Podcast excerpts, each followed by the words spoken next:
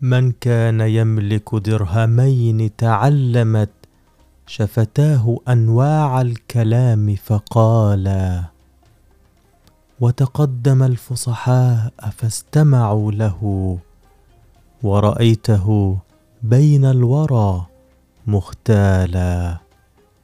لولا دراهمه التي في كيسه لرأيته شر البرية حالا.